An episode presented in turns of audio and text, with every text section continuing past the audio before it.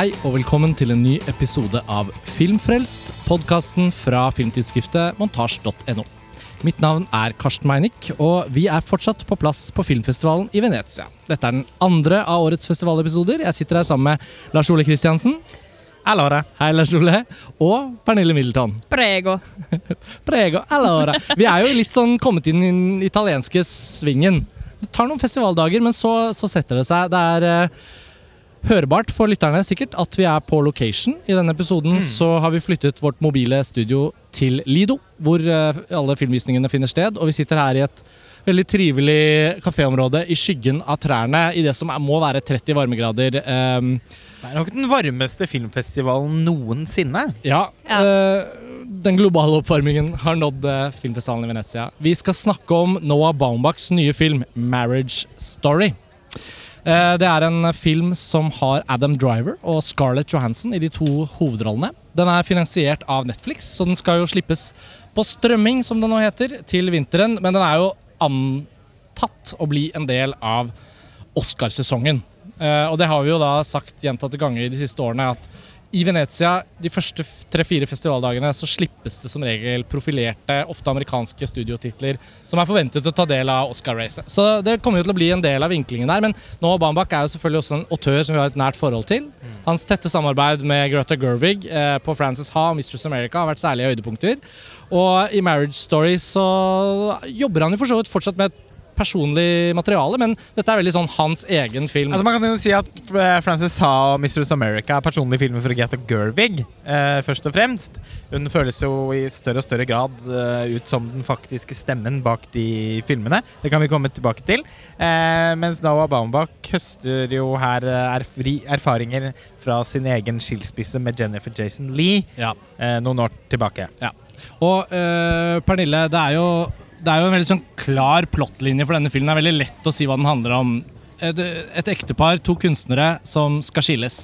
Ja. Uh, og det er egentlig premisset. Uh, hva mer kan vi si om stemningen i filmen når vi kommer liksom inn i den? Nei, det begynner, vi blir jo på en måte kasta inn i at ting virker sinnssykt fint, fordi anslaget er jo helt sykt nydelig. De, uh, vi hører en voiceover hvor de etter tur oppsummerer hva de setter pris på ved hverandre. Og så blir det sånn Å, dette var jo kjempefint. Og så boom, blir vi kasta rett inn i parterapien, og så skjønner vi at eh, det har gått en stund, da, og at de er på vei ut av forholdet. Og så er jo på en måte resten av filmen hele det oppgjøret, på godt og vondt.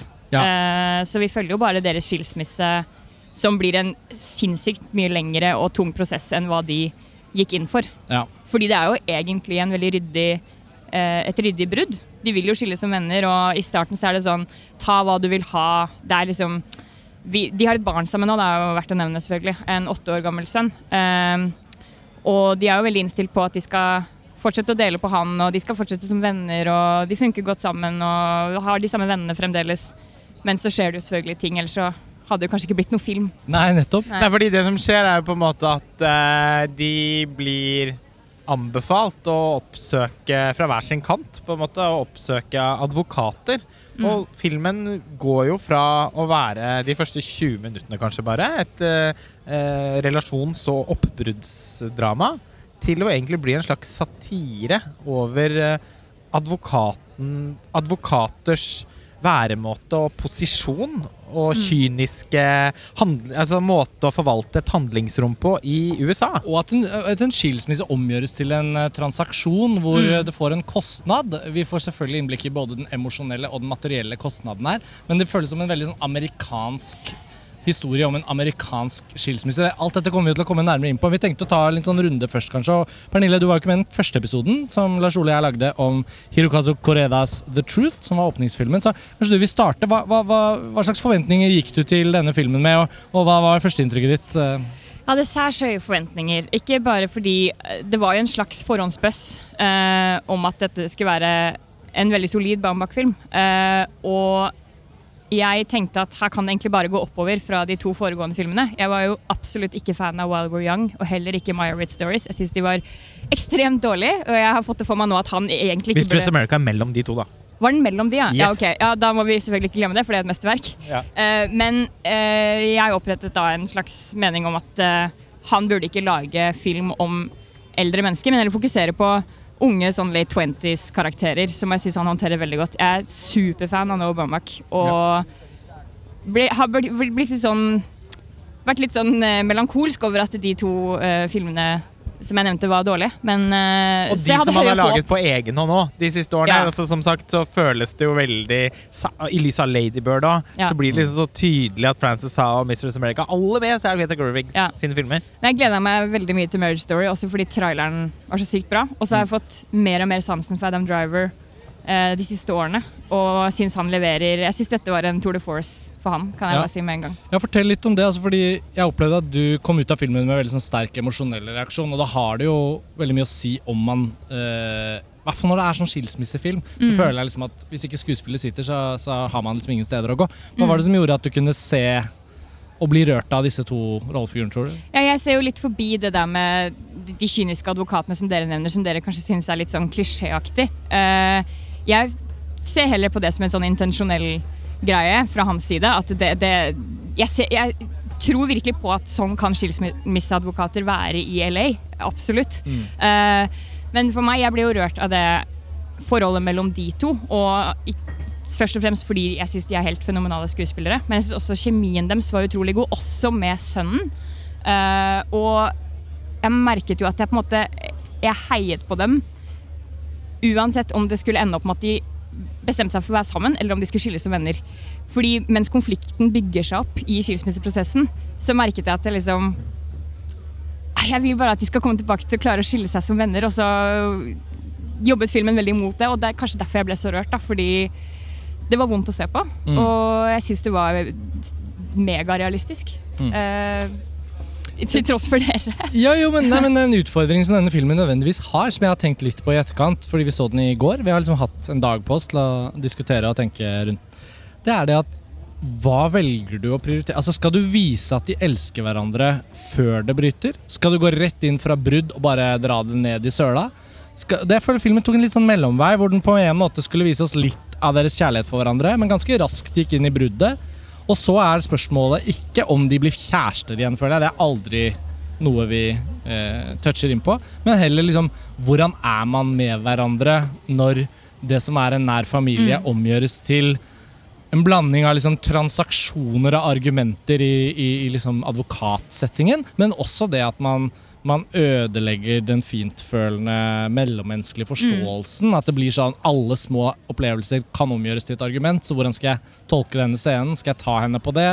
Eller skal han arresteres fordi han sa det litt tullete? Altså, ja, Og da blir det jo veldig kynisk til slutt òg, Så jeg føler det var veldig sånn Jeg ønsket å kanskje bli mer rørt av filmen enn jeg ble. Noen ganger tror jeg det handlet litt om det. da At, mm. at det følelsesmessige som jeg tror det er det umiddelbart lettest identifiserbare, ble av og til satt til side for at vi skulle liksom eh, At han ville skildre mekanismene og, og smerten.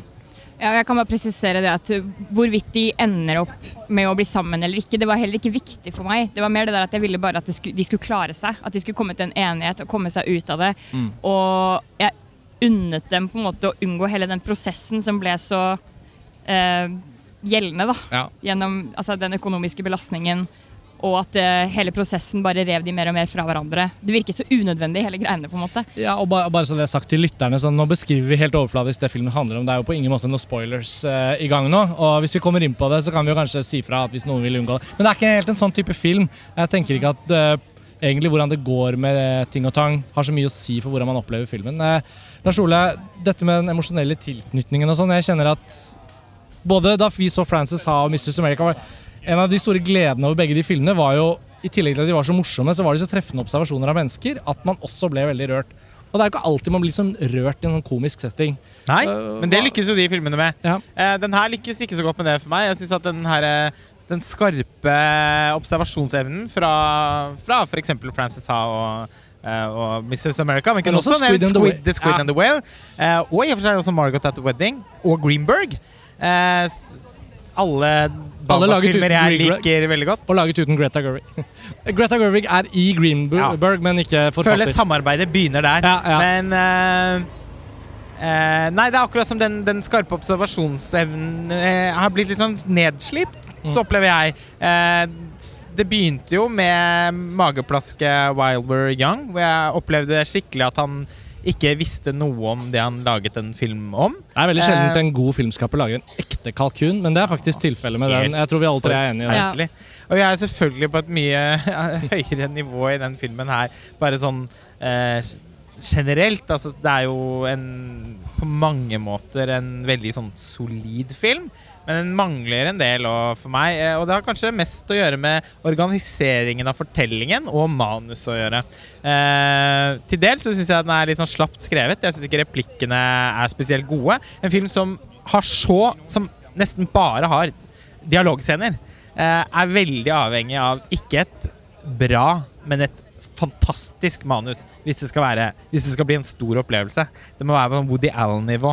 Eh, og det er det ikke, rett og slett. Uh, jeg syns det er veldig få replikker å minnes fra den filmen, rett og slett. Uh, Men, men jeg var veldig enig med deg, Pernille, i at åpningen Og det tror jeg du også er enig i, Lars Ole. Altså, den åpner jo helt fantastisk. nettopp fordi den, helt fantastisk. nettopp fordi den antar en sånn litt Woody Allen-aktig dimensjon. Ja, vi kan jo fortelle hva åpningen er. For de som har sett Ja, de to Pernille var trailerne inne på det i stad, men ja, trailerne er jo åpningen. Ja, for altså, åpningen er en extended version, på en måte. En Mm. utvidet versjon Ja. eh, av de to trailerne etter hverandre. Ja. Eh, og det er en helt suveren åpning som antyder et type tempo og et eh, toneleie som nettopp minner om en Woody Allen-film. Han er den opplagte referansen for den, den type film. Det var umulig å ikke tenke på Woody Allen i Frances Ha og, og Mrs. America også. Eh, og så fortsetter filmen litt sånn i kanskje 20 minutter til. Og så blir den helt strukturelt helt annerledes. Eh, den går over til å ha sånn nesten sånn Abdelatif Keshish-lange scener. Mm. Eh, som er sånn, sånn ti minutter lange scener i et rom med noen som har en krangel eller en samtale, eller det utspiller seg en situasjon eh, som Man- går veldig i sånn tonal konflikt, syns jeg, med filmens eh, eh, Med starten, da. Mm. Så jeg ble ganske raskt satt ut av, en, av, av det faktum, nesten, føler jeg, da, at filmen først føles veldig sånn disiplinert og lekkert eh, satt sammen. Eh, og, og kompakt til å bli veldig sånn løs i snippen og inn, litt sånn innfallsbasert. Og det trenger selvfølgelig ikke å være noe negativt, men for meg så var det det her. Hva var det som gjorde at ikke du reagerte på den delen av filmen? Hvordan skiftet, Pernille? Var det Nei, altså Jeg kan vel være litt enig med deg med tanke på tempo der, og at eh, noen av scenene noen av scenene er dratt ut i det litt for lange. Eh, spesielt kanskje noen av de advokatmøtene og de høringene og sånne ting var noe av det mindre interessante. Så de kaffeslabberasene med Alan Alda, som jeg syns er en nydelig skuespiller. Og dette er kanskje hans siste rolle. Ja, for men han han er så er jo samtidig også et sånt element av humanisme i ja. den, den bransjen. Da. Så det ble på en måte litt sånn litt søtt. Men Ja. også, jeg skjønner hva du mener med at det kan være litt kjedelig. Men jeg er veldig uenig med deg i det med at altså, Fordi du sa jo at du, du, du savner den humoren som kommer frem i mange av Baumbach sine filmer. Og Ja, Hovedsakelig Gervig-filmen. ja, som hun har uh, påvirket. Men jeg er uenig fordi jeg føler ikke at denne filmen trenger å ha humor. Jeg Men den prøver jo ja, den er prøver, og jeg syns at den er morsom der den er morsom. Uh, spesielt i mye av eh, scenene med, med barnet, fordi han er et liten comic relief i seg selv. Uh, fordi han er så på utsiden av det, og ikke, han skjønner jo ikke på en måte hva som skjer. ikke sant? Uh, og midt i det her alvoret så blir han en liten sånn comic relief noen ganger. Og det føler jeg at filmen trengte også, men først og fremst så trenger ikke den filmen her å være morsom. Den Men- er, den er sårt, og den er selvopplevd, og, og jeg kjøper alt det som er sårt. Ja, fordi altså, her er det jo ikke noe tvil om at Sånn Innvendingen mot Wyler Young, da, at han på en måte lager en film om noe han ikke helt kan noe om. Det her er det jo helt motsatt. Her har han jo masse erfaring å ta. Samtidig så føler jeg liksom ikke helt at den altså Jeg har sett mange filmer om dette temaet som oppleves som langt mer hudløse og autentiske. Fra et ekteskap av Ingmar Bergman er et opplagt eksempel. 'Husbands and Wives' eh, Allen et annet. Eh, Kramer versus Kramer. Eller Kramer Ja. Kramer. Ja. Eh, eh, men det er noe et eller annet med at de ja, hva- skal vi anta? Er det en time med advokatscener av de til er det sammen så mye? to Nei, Filmen varer to timer og ti ti minutter. ja. Jeg tror det er en time med advokatscener. Jeg kan ikke skjønne at det er mindre det. oppleves i hvert fall sånn. Altså, Og alle de er, er jo ren komedie. Det er jo sitcom-aktig, alle sammen. Altså, det, Er det ikke det? Jo, men det som er viktig Kanskje litt. Jo, at det, det tenker jeg at uh, for å trekke inn et Eller for å trekke inn meg selv til å svare på noe av det dere Eller bidra til det dere diskuterer nå. Eh, balansen mellom humor og alvor eh, føles litt forskjøvet. Ikke sånn Syns man det morsomt Det tilsiktet morsomme var gøy? Det er liksom subjektivt. altså noen synes, Italienerne er jo så glad i å le, så det er jo én ting når man ser film her nede. Men en annen ting er liksom Uavhengig av om vi ler av det eller ikke, så opplever jeg at Bambak har et ansvar for å holde mm, Holde en form for fokus i fortellingen. Og da er det for meg eh, et brudd at skilsmisseadvokatsjargongen, skilsmisseadvokatkarikaturen, blir liksom mm, ikke helt sånn meislet inn i filmen. Den blir litt stående separat som en egen satire. Og det oppleves som et brudd, syns jeg. Og da er det vanskeligere for meg å synes det er gøy. Eh, jeg, eh, Ray Liotta spiller jo da denne eh, outrerte advokaten til Adam Drivers rollefigur. Og han Altså, Å se Ray Liottas tilstand blir jo nesten en forstyrrelse i seg selv. Bare for det er litt sånn Han og Nick Nolte burde jo nå snart spille eh, i en buddycop. Han var eh, nesten ikke gjenkjennelig. Det var kjemperart. Nei, det var veldig spesielt. Det står ikke bra til med Ray Liotta. Han var, han var rød og med hvitt hår. Han hadde nesten ikke hvitt i øyet. Det var bare rødt. Eh, og så på den andre siden så har vi Laura Dern i Big Little Lies-modus. Ja. Ikke mitt favoritt-Laura Dern-modus. Hun er fantastisk i The Tale. Ja. Eh, begge to HBO-produksjoner, så nå får ikke Pernille lov å si noe. Men uansett. jeg syns Laura Dern, når hun eh, prøver seg på den litt sånn brede komedien, ikke er eh, i nærkontakt med sine fremste talenter. Nei. Så Og det gjør de hun konsekvent her, da. Ja, men det er det jeg skal frem til. De to castingavgjørelsene til Baumbach De er med å liksom dra disse scenene, og det blir jo en ganske stor chunk av filmen. da Ja, det er Over i et terreng Det er de to største birollene i filmen. Det supplerer ikke alvoret i fortellingen. Og dermed syns jeg de Og det blir også et, et, vært en sånn slags fortelling om to byer og liksom to kulturer her, som også er veldig karikert. Eh, man har på en måte Team New York og Team Los Angeles, som var det i Annie Hall. Det er som om liksom eh, eh, rappkonfliktene fra 90-tallet, vestkyst, østkyst, Ja. er tilbake i skilsmisseadvokaten. Men det var noe med liksom eh, behovet for å skape, lage satire over det overfladiske Los Angeles og Hollywood, da, som også var skikkelig halvgjort, syns jeg. Det, kan, det er masse Jo, men det er ikke helt uforståelig på samme tid. fordi du forstår jo at en sånn vaskeekte New Yorker er veldig tilknytta den byen og ikke vil bryte med det. fordi det er jo noe, det er jo noe helt annet å dra til LA. Selvfølgelig! Og jeg men forstår da- at det har en stor uh, At den konflikten med de, altså bykrangelen, at den er viktig i filmen. Fordi Ja. på sett og vis er det jo også en, et stort spørsmål om hennes selvrealisering som hun aldri har fått gjort. Fordi det kommer jo opp gang på gang at dette har vært en diskusjon lenge. At dette er jo på en måte noe som har vært underliggende i lang tid, som ikke har fått kommet til overflaten ennå. Og nå eksploderer det. Men da syns jeg på en måte også du må vise Fordi ettersom filmen da nesten ikke har noen scener med de to, eller noen av karakterene, i sine bymiljøer, da. Altså det er jo liksom ja, eh, Filmen mangler jo scener med dem i New York. Fordi den bruker jo ikke tid på det. Vi får jo ikke se Nei, Vi vi er jo en del på teatret, da, men ja, det er jo ikke ja, det er marginalt, det òg. Altså, ja. Vi får se en oppi Altså, filmen begynner jo da som sagt med det, det samme som de to trailerne. Altså Som du fortalte innledningsvis, at de sier pene ting om hverandre. Nettopp. Og det er veldig sånn montasjebasert. Og det er utrolig fint. Flyter veldig fint. Etter det så får vi ikke se noe særlig tid med dem sammen overhodet, før de bare skal skilles, og det blir advokatbonanza. Uh, og den bykonflikten og sånn da, den føles for meg veldig sånn Hvor kom den fra? Men ok.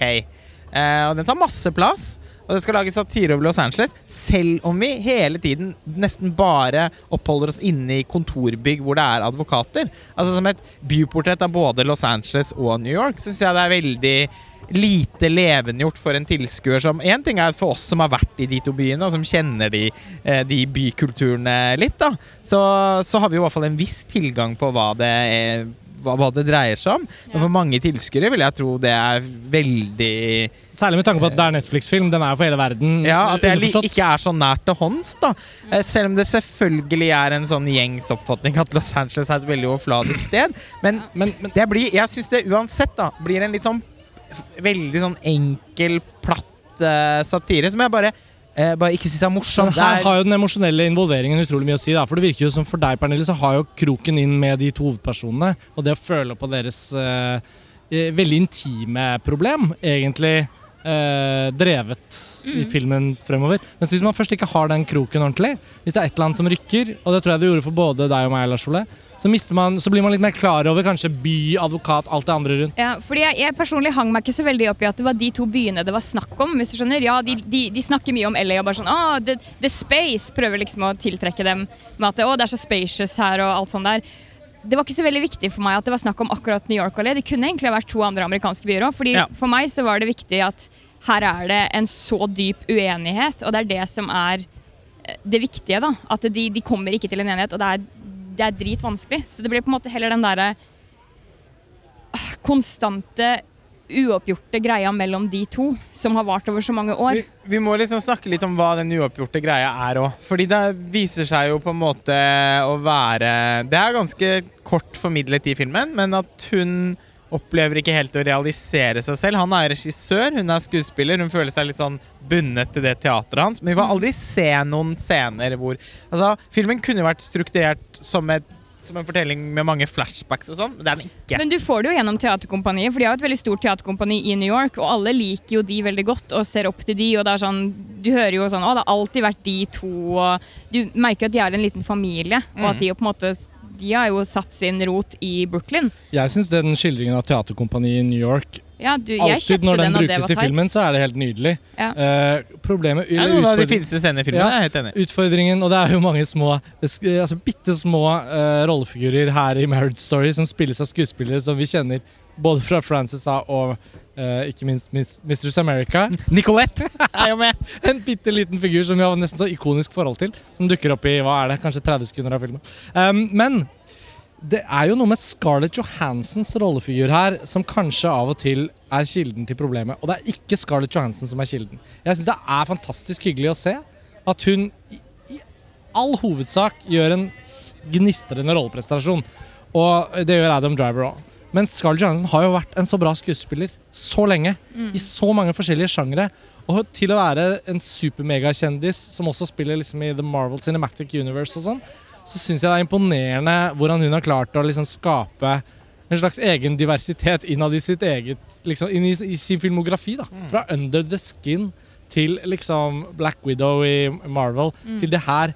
Og, um, og så selvfølgelig tilbake til Lost in Translation. Så det å se henne liksom Og matchpoint. ja, selvfølgelig. ikke sant? Det, hun går veldig sånn hudløst til verks, og hun gir alt. Og jeg føler at hun er bare akkurat ikke godt nok tatt hånd om av Baumbach og klipperen hans, faktisk. Altså at Det er noe med den friheten Netflix gir, som jeg frykter at kanskje har resultert i en litt for lang film. Og en, den disiplinen som jeg savner, tror jeg kunne kommet så lett til dem. Fordi noen ganger så føler jeg at de spiller liksom dritten ut av materialet sitt, både Adam Driver og Scarlett Johansson. Men så er det som om vi trenger å klippe ut, eller tune ut 20 sekunder før scenen er ferdig. Alle, no, noen av de liksom tilsynelatende mest virtuost spilte scenene oppleves som om de akkurat får gå for lenge. Uh, og jeg syns det er litt uh, leit. Men det jeg skulle frem til, var at Scarlett Johansens rollefigur har en familie som blir veldig sentral for dramaet, og der er det også for meg et brudd med troverdighet og sånn. da. Castingen av Scarlett Johansens rollefigurs mor eh, var nesten det dårligste med filmen, tror jeg. Ja, hun var heller ikke min favoritt. Hun har okay, mye, veldig mye Hun med, da. var ikke noe favoritt. Men uh, altså, jeg, jeg står på min uh, altså, eufori nesten ene og alene pga. Scarlett Johansson og Adam Driver. Og Ja. det, er, det er rett og slett det. Ja. Altså, jeg, jeg ser forbi det der uh, mangel på hva da, det virtuose og klippingen du henger deg opp i, kanskje, og de, de karikerte advokatene. For jeg syns at de fuckings bærer scenene i, i hver scene. Og, og, og de skinner vekselvis. Uh, jeg syns det starter sykt sterkt med henne, og jeg tenker sånn wow, ok, dette er jo en tour de force for Scarlett Johansson, men så blir det, ender det opp med at jeg, det er Adam Driver sin film, for min del. Eh, og jeg synes at de er, de er såpass store og eh, konsise bærebjelker at jeg, jeg, jeg tror jeg blir litt sånn apologist, rett og slett. At jeg Nei, klarer å se forbi er de birollene dere har Jeg er helt enig i at altså De er jo eh, kjempebra, begge to. Og de har en troverdig kjemi. Eh, det er for meg nesten mer troverdig at de er veldig glad i hverandre, enn at de på et tidspunkt eh, altså, ønsker hverandre døde, omtrent. eh, Eller ikke For de er jo egentlig talt. glad i hverandre, Ja, det- om det, drar, jeg føler jeg men det dras så langt. Hele tiden. Eh, jeg er det er sliter litt fælt. med å finne ut av hvor de, hvordan de så på et eller annet tidspunkt flytter så langt unna hverandre. Det, Altså, du er ikke med på at de egentlig vil skilles, liksom? Jo, men altså, jeg er i hvert fall ikke enig eh, Og det er det jo ikke selv i filmen heller, for det er jo advokatene som på en måte setter i gang den prosessen. Men jeg syns det virker litt rart at de som oppegående, veldig oppegående eh, mennesker, begge to eh, Oppegående, sanselige, velartikulerte mennesker Mm. ikke i større grad liksom dikterer sin egen prosess. At de hele tiden da bare henviser til hverandres advokater. Nå er jo dette sikkert nå Bambak sin erfaring, da. Så Mm. jeg skal jo ikke si at det ikke er sånn, for det vet jeg, Jeg- ingenting om. Men, Ja.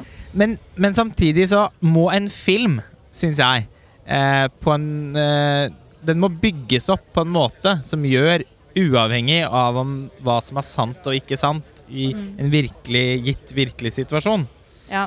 Eh, så må den gjøre Altså Rent dramaturgisk så må den jo få oss med på en reise. Og der syns jeg i hvert fall denne reisen er veldig hakkete, da.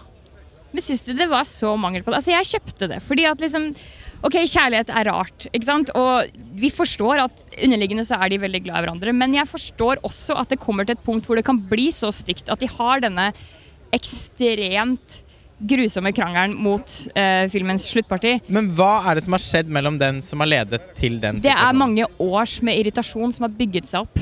Hvor Men- hun har innsett Men får at vi tilgang til det i filmen? Jeg føler veldig at hun, at eh, hun har en slags vokselsesprosess. Altså for det, det kommer mest fra hennes side. Han er mer sånn easygoing egentlig som fyr. Uh, fordi han har jo fått det som han vil hele tiden. Mm. Men det har ikke hun. Og hun har en slags blomstringsprosess hvor hun tar et oppgjør med seg sjøl og ser hva hun har ofret for han. Hvor han ikke har gitt tilbake. Og det synes jeg kommer ganske tydelig fram i det første møtet hun har med Laura Dern. Hvor det er en, en av de lange scenene, men hvor hun virkelig får forklart seg selv. Uh, og eh, fordi Laura Dern sier sånn Når hun vil bli hyra av Scarlett Johansson som hennes advokat, så sier hun bare ta det fra starten. Hun er veldig sånn, tar av seg skoene, setter seg i sofaen, gjør det litt sånn hjemlig, serverer te og liksom, setter seg på et slags venninnenivå med henne. Fortell, fortell meg hva som har skjedd. Liksom. Fortell meg din historie. Vi vil at det skal bli sånn som du vil. Og da åpner hun seg faktisk, og en av de mange scenene hvor hun gråter, jeg syns hun er helt fantastisk når hun gjør det hver gang. Men jeg, da tenker jeg ok, greit, nå, nå er jeg med på det. Når hun kommer med den forklaringen på hvordan hun har opplevd de siste årene. Og eh, at hun ikke føler at hun har kommet frem. Fordi hun, hun vet at hun sitter med et eller annet potensial, men hun har aldri fått den ordentlige selvrealiseringen. Og jeg tror det er den irritasjonen som bygger seg opp og altså etter hvert blir det- stygge i henne. da. Ja, jo, men det har jeg ikke noe problem med å forstå. Men jeg føler, jeg føler liksom ikke at jeg har fått tilgang til hva det har betydd for kommunikasjon mellom de to.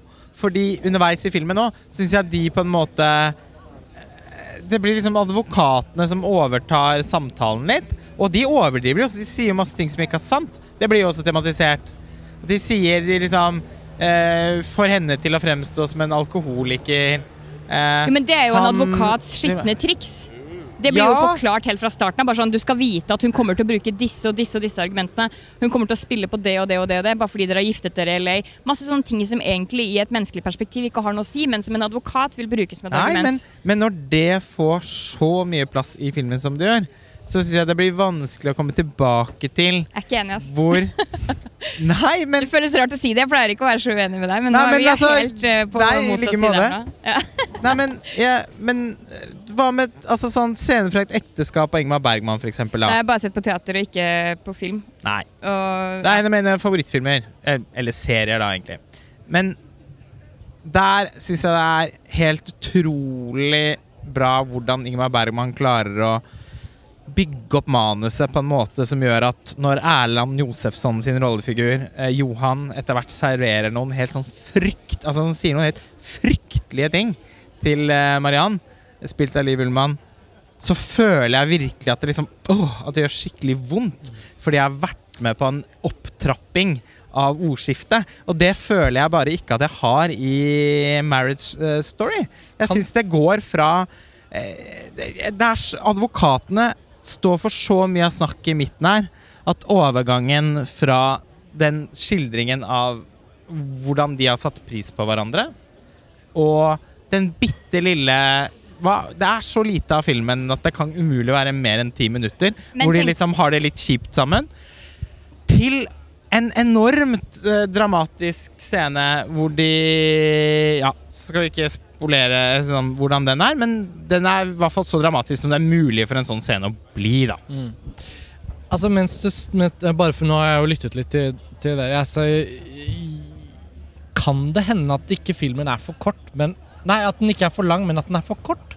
Altså, jeg, jeg savner også flashbacks. Jeg savner uh, Altså sånn Det er jeg, jeg egentlig, det er det jeg egentlig sitter Ja, og fisker etter, Ja, men liksom, så sånn, Men altså, nå tenkte jeg på det etter Jeg har ikke tenkt på det før du sa det, Pernille. Men kanskje den scenen mellom Laura Dern og Scarlett Johansson uh, som jeg syns var en litt sånn mekanisk, eh, ekspositorisk scene, egentlig.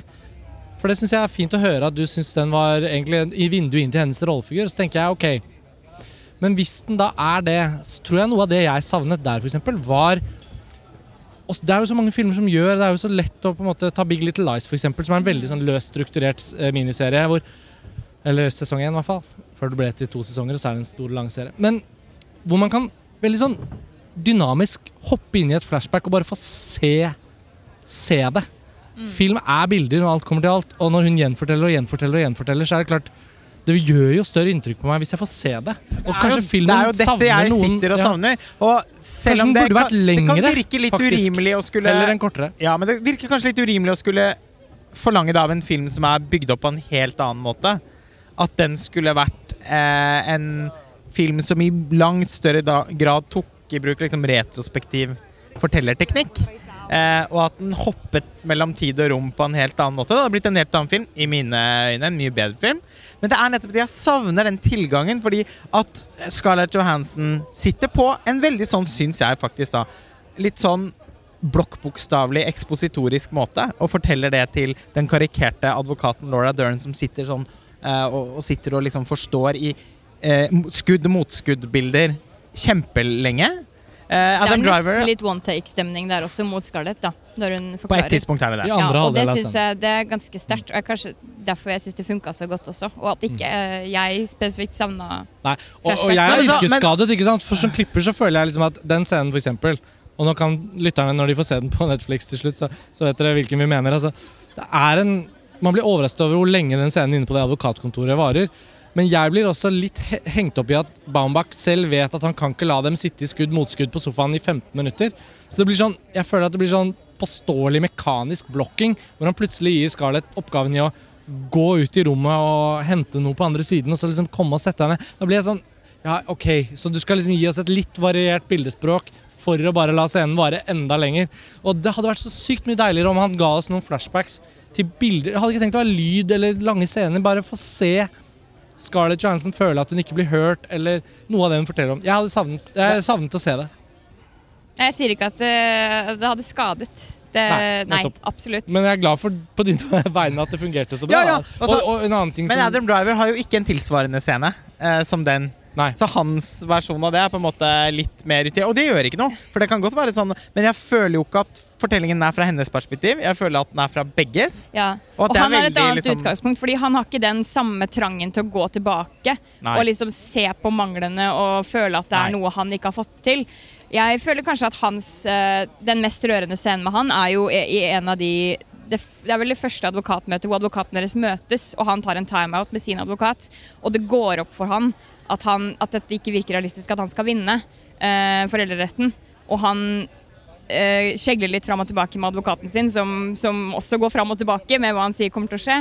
Eh, og det bare går opp for han at dette her eh, kommer ikke til å gå hans vei, og han bare Scenen ender vel at han står i en eller annen sånn ganske fæl gråt. Vet holder seg i øynene. Ja. Seg, ja, han Jeg står og holder seg veldig. Jeg syns akkurat det bildet var bare så veldig effektivt. Og jeg bare Jeg vet ikke, jeg kjente den smerten da. Han, han, han innser der allerede at eh, dette er nok tapt. Han er jo en veldig, sjel, ja, er en veldig sjelfull skuespiller. Han er helt fantastisk. Så han Ja. klarer bare med hele seg å Ja. uttrykke masse følelser i den filmen. Det det syns jeg også fjes. gjør også Scarlett Johansson. Ja. Men, men Ettersom du nevnte sønnen i stad, som Mm. en sånn Der må jeg Da må vi være uenig igjen, da.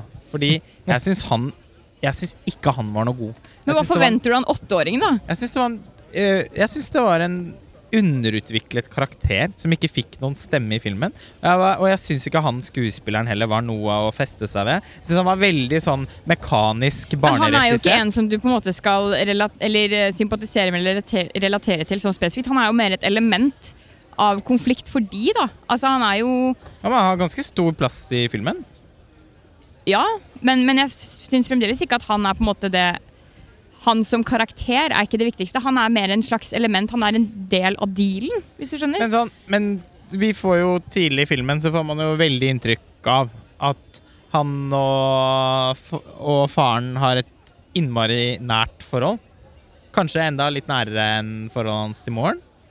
Fordi det er eh, faren som står mye hjemme på kjøkkenet, og som liksom han, han, De nevner jo det tidlig i filmen, at det er litt sånn At de har omvendt kjønnsrollene litt på noen områder. Mm. Og sånn som vi får til, hva har vi fått tilgang til i bildene, bortsett fra at eh, moren er innmari god til å leke med han. Mm. Og hun er jo også skuespiller, så det høres jo veldig sannsynlig ut. Mm. Så får jeg i hvert fall inntrykk av at de har et sånn veldig sånn varmt og lunt og sånn fysisk nært forhold, far og sønn.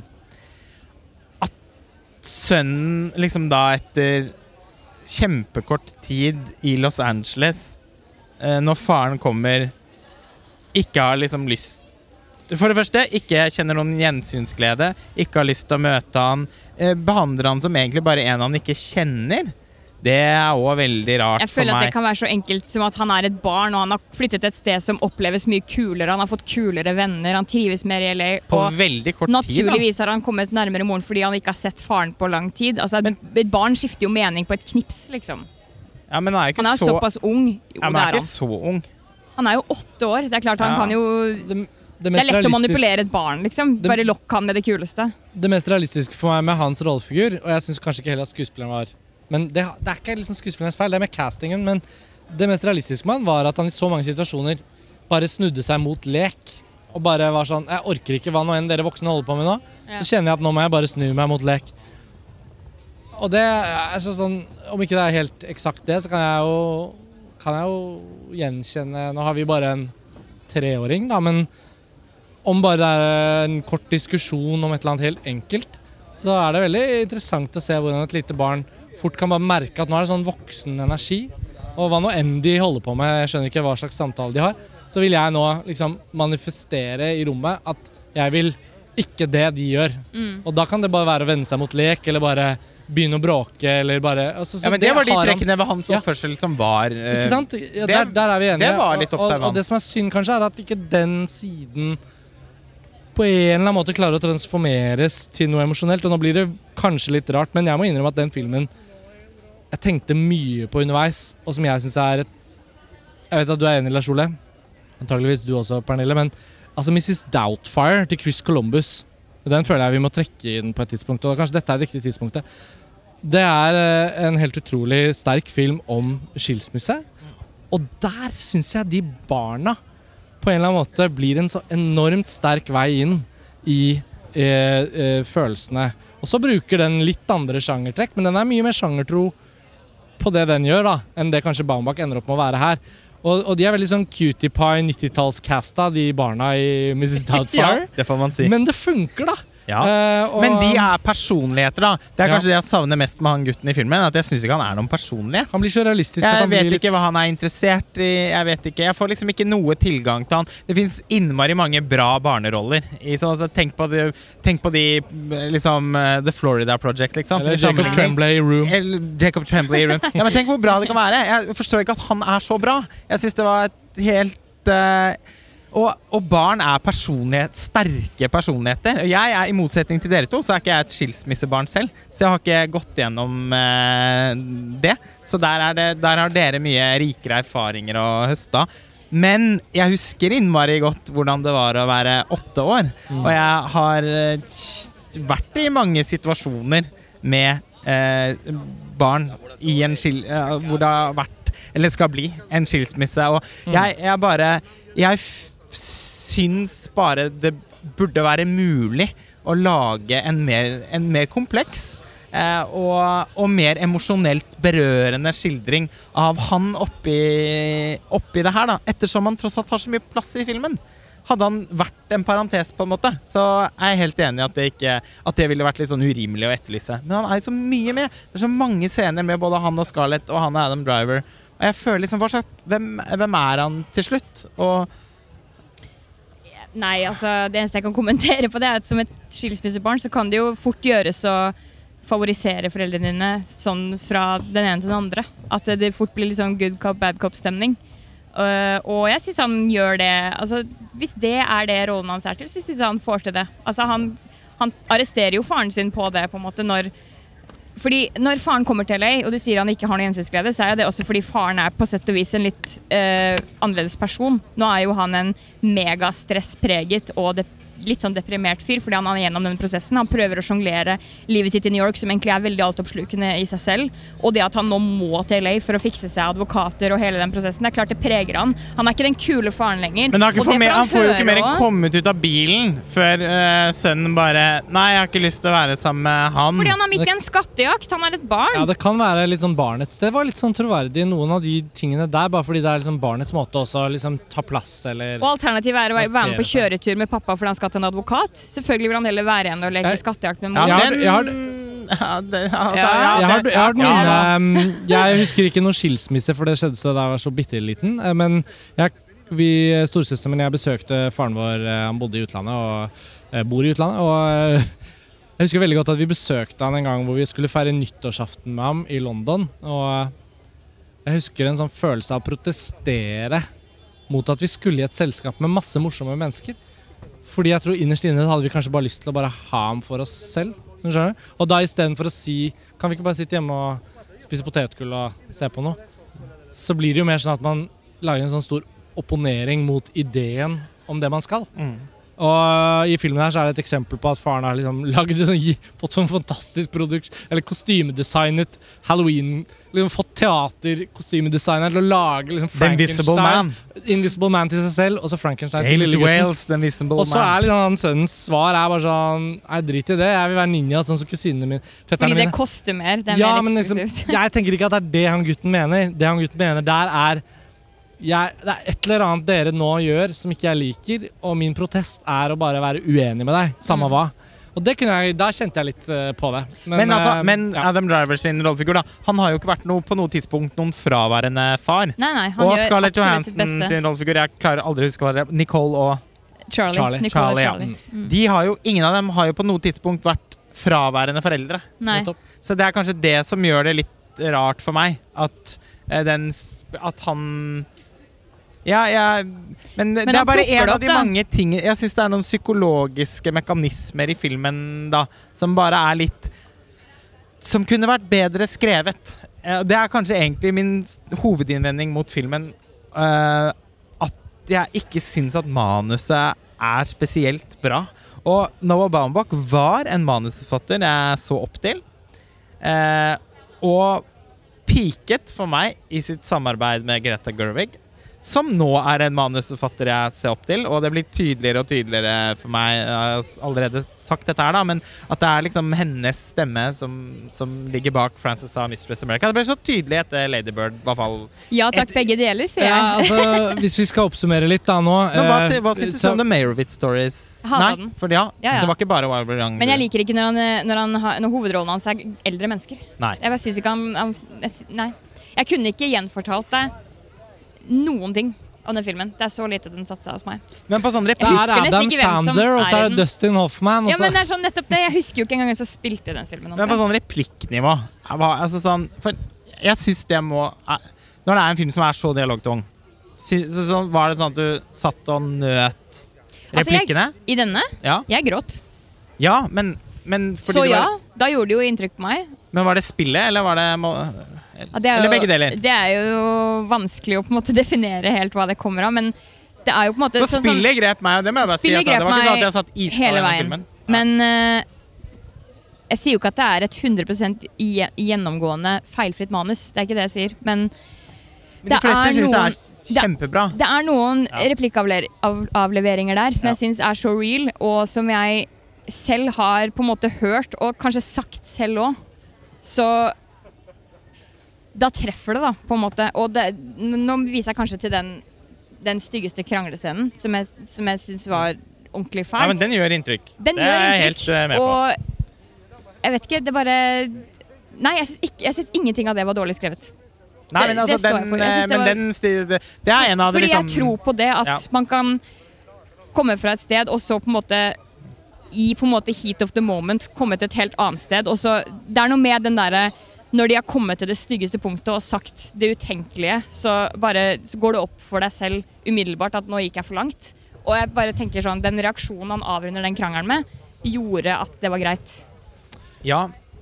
Men det, altså det, eh, det, det er jo en scene som står veldig ut, da. Ja, det, det Eh, og som er en av de stedene hvor jeg også føler at Bambak spenner musklene sine litt. Det er oppbyggingen til den i stad, som, som vi var inne på da, som jeg har litt problemer med. Men, men jeg mener bare at jeg syns det virker som, og du var litt inne på dette her i stad, Karsten, at Mm. det Netflix eh, gi A Marriott Stories var også over to timer lang, eh, mens Bambak har pleid å skrive 90-minuttersfilmer. Det, den kunstneriske eventuelt friheten eh, som de får av Netflix, den har litt to sider, fordi det er noe litt sånn slapt i fisken inni her. Som jeg Og, og med hele, som sagt, tempoet i fortellingen og sånn, som, som er rett og slett bare ikke noe som ut ifra min smak jeg forbinder med et virkelig sånn Nei. fantastisk bra manus. Det skal sies, Pernille, da, at uh, hele verden er enig med deg. Uh, denne filmen har blitt utropt til Nawa Bambaks suverent beste film. Det siste Et- døgnet, da. Ja, ja det siste døgnet. Det er jo veldig sånn mye sånne øyeblikksreaksjoner her nede. Som Ja, men alle en anmeldelsene og sånn salt. ligger jo nå, da. Alle de Ja. amerikanske, ja, men det blir jo konsensus, på en måte. Eh, Mm. Den har fått eh, Det er vel ingen film i år, tror jeg, som har fått bedre anmeldelser. Altså, den har fått bedre anmeldelser enn f.eks. Parasite, som vant Gullpallen i Cannes, eller eh, Den der liksom årets La oss ikke sammenligne de, bare. film Nei, nei, det har jo ingenting med hverandre. Men altså, sånn, jeg bare sier at det er sånn det, Vi snakker Den er mer tilgjengelig, da. absolutt eh, sannsynligvis mest kritikerroste, i hvert fall amerikanske film, og, og liksom Noah Baumbachs store verk, da. Det er jeg skikkelig uenig i, eh, og det kan godt være en smakssak, men, eh, men det jeg tenker at Jeg syns det er litt eh, jeg, Det jeg blir in litt interessert i, er hva man da fra før av har satt pris på med Baumbach. Mm. Fordi alle legger jo for dagen at de er store fans av Baumbach fra før av. Mm. Squid and the Whale for eksempel synes jeg er en helt eh, fantastisk film. Eh, som nå plutselig Den fikk jo ikke den fikk jo kjempekritikker, den òg, men ikke i nærheten av Men tenk på hvem han var da den den kom, da. Altså, han er jo mer et navn nå. Folk vet mer hvem han er. Det er er flere som nå. ser filmene hans nå enn da var det 2006. Altså, Da ville jeg tenkt det var mer naturlig å være strengere, da. Eh, men uh... Vi er jo det, Lars Ole. men det er jo bare så det jeg har sagt, det er- jo vi som er motkritikerne her. Eh, og du blir på en måte kilden til eh, konsensus. Men det er, bare så det er sagt, dette er ikke min favoritt av Bambak. Jeg liker er fortsatt. Frances Ha bedre. Ja, Mistress America. Ja, den snuser på en god andreplass, men denne her er tett opptil. Nå må jeg også bare si at det er lenge siden jeg har sett Squid and the Whale. Mm. uh, så jeg kan ikke helt plassere, eller plassere de ennå, men uh, Der er det jo litt overlappende tematikk, så jeg tenker det blir uansett gøy å se Ja. The Ja. Squid and the Whale igjen nå. ja, Og- og- jeg liker den veldig om godt. jeg, også. om jeg kan få komme med en liten oppsummering selv da, på slutten her, eh, så kjenner jeg også at, eh, at det, det er noe engang sånn at nå Bambak nå begynner å bygge opp en filmografi hvor det er ganske rikt Det er mye Han har lagd mye nå, føler jeg, liksom, på en måte. At uh, hvis West Anderson kanskje i langt større grad ble en sånn umiddelbar, klar, renskåret autør, som også har begynt å gjøre enorm kommersiell suksess med flere av filmene sine, så var det Det var jo det at Greenberg og, og Greta Gerwig det forløste et potensial også i Baumbach som vi har i Frances Howe og Mistress America, som er jo søskenfilmer. Wild We're Young ble tatt opp husker jeg, etter Mistress America, men fordi han ikke gjorde ferdig Mistress America, så kom Wild We're Young først. Men det bekymringsverdige er jo å se litt at, at Noah Baumbach har en, rett og slett en litt ujevn filmografi, da. Og det er jo da er ikke, Han er ikke den første store filmskaperen som også klarer å lage dårlige filmer. Men jeg, synes, jeg hadde håpet at Marriage Story var mye bedre. Og min hovedinnvending, som jeg egentlig ikke har sagt ennå, men det er bare en kort liksom, formulering Jeg syns ikke at han har tatt denne skilsmissetematikken, som er selvopplevd, og gitt den en tilstrekkelig kunstnerisk behandling. Og med det mener jeg at filmen oppleves liksom oppramsende og deskriptiv. Jeg sier ikke at det heller er dårlig. ikke sant? Det, man blir jo ofte revet med av flere av scenene, og det er kjempebra skuespill som liksom er ordentlig engasjerende. Men jeg, skulle, jeg savner at han klarer, etter å ha forfattet liksom noe fiksjonelt ut fra det som skjedde med ham og Jennifer Jason Lee, så, så savner jeg liksom at det har en eller annen kunstnerisk behandling, og det er det han som må lage. Vi kan ikke sitte og finne på det for han, men jeg savner en eller annen ting som gjør at filmen inviterer oss inn. Jeg blir stående på utsiden og se på eh, en oppramsing, mer enn at jeg er inne i opplevelsen. Og jeg klarer ikke å sette Det fingeren var på det hva samme som skjedde for meg. Og det er på en måte Jeg hadde jo Jeg møtte den med kjempestore forventninger. Og hadde innmari lyst til å elske den filmen. Men skikkelig klarte det ikke, da. Og, så det er egentlig mest en sånn Det går bra. ærlig Jeg kan elske den for alle oss tre. Ja, det det er går bra. Ja, det er bra. Takk, Pernille. Tusen takk. Jeg Vi tar den for laget. Det, det Ja, går bra. tar du den for laget. Deilig. Elsten for oss alle. Vi er, eh, vi er vel i mål med episoden, da? Jeg tror det. Men vi visste at dette kom til å bli en av de som måtte snakkes litt ordentlig om. Så nå har vi, nå har vi gode 50 minutter bak oss her, og vi får håpe dere lyttere der ute har satt pris på diskusjonen. Jeg vil si at ingenting vi har sagt er spoilermateriale, hvis noen har fryktet det underveis. Filmen kommer til å fortsette å bli omtalt på hele sin festivalreise gjennom høsten. Den kommer til å bli en del av Oscarsesongen. Og slippdato er ikke satt av Netflix. Men hvis vi skal tolke ut ifra hvordan Roma i fjor ble behandlet inn mot Oscar-kappløpet, så var det en eh, moderat kinolansering i mange territorier. Eh, jeg tipper Marriage Story også blir en sånn mulighet på kino, på hvert fall uavhengige kinoer i Norge. Og så slippes den kanskje på Flix i slutten av november, begynnelsen av desember. Det er det jeg spår. Men vi har ikke informasjonen nå, så dere får bare smøre dere mot tålmodighet. Vi skal straks eh, være klar med nye Venezia-episoder. Eh, dere hører fra oss eh, straks igjen. Lars Ole, Pernille, takk for denne samtalen. Og ha det bra. Ha det bra. Ha det bra.